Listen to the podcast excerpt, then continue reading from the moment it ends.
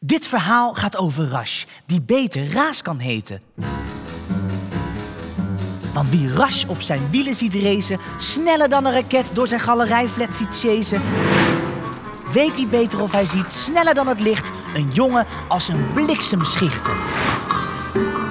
Dat is dus Rash. Of nee, Raas.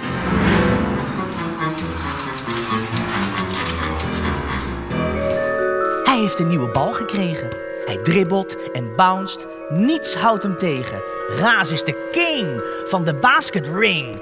Zijn basketbal is zijn lust en zijn leven. Dus gaat Raas naar buiten om te showen wat hij kan. Maar hij laat de bal vliegen. Oh man, daar klapt hij bam in de tram. En dan? Nee, ziet Raas hoe de tram wegrijdt. Met zijn bal erin.